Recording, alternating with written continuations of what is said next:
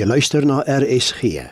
Dis nou tyd vir die aandgedagte, vanaand aangebied deur Dominee Siegfried Lou van die NG Gemeente Protea Hoogte Brackenfell. Goeienaand. Grond is so 'n doodgewone ding vir ons. Maar dit is eintlik iets buitengewoon.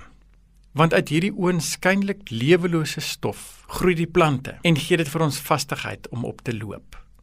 Die soort grond wat jy het bepaal watter soort plante kan jy plant. Kleintyd was ek gefassineer oor die mooi dieprooi grond in die omgewing van Kimberley.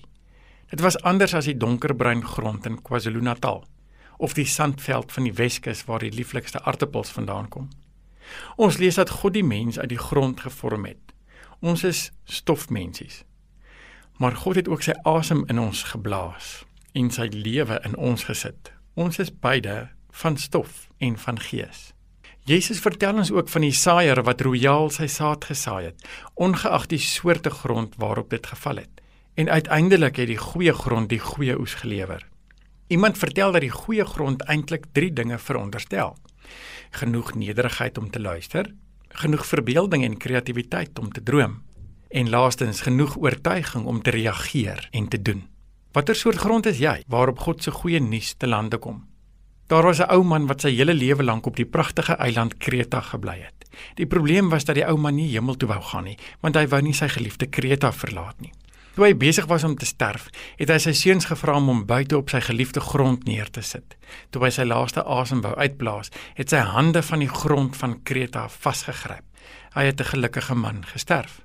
Hy kom toe by die hekke van die hemel. God het vir hom as 'n ou man uitgekom om hom te groet en gesê: Jy was 'n goeie man. Kom in en geniet die vreugde van die hemel. Asseblief los net die grond wat in jou hand is. Nooit, het die man gesê. God het hartseer die man buite die hekke gelos. Na 'n tyd kom God uit as 'n vriend wat die man van Kreta geken het. Na 'n paar stories oor Kreta sê God: "Goed. Dis nou tyd vir jou om die hemel in te gaan. Maar los asseblief die grond." Nee, was al wat die man weer geantwoord het. Nog tyd het verbygegaan en God het weer aan die man by die hekke van die hemel gekom, hierdie keer as sy speelerige kleinkind. "Oupa, jy's so wonderlik, ons mis jou almal. Kom asseblief in."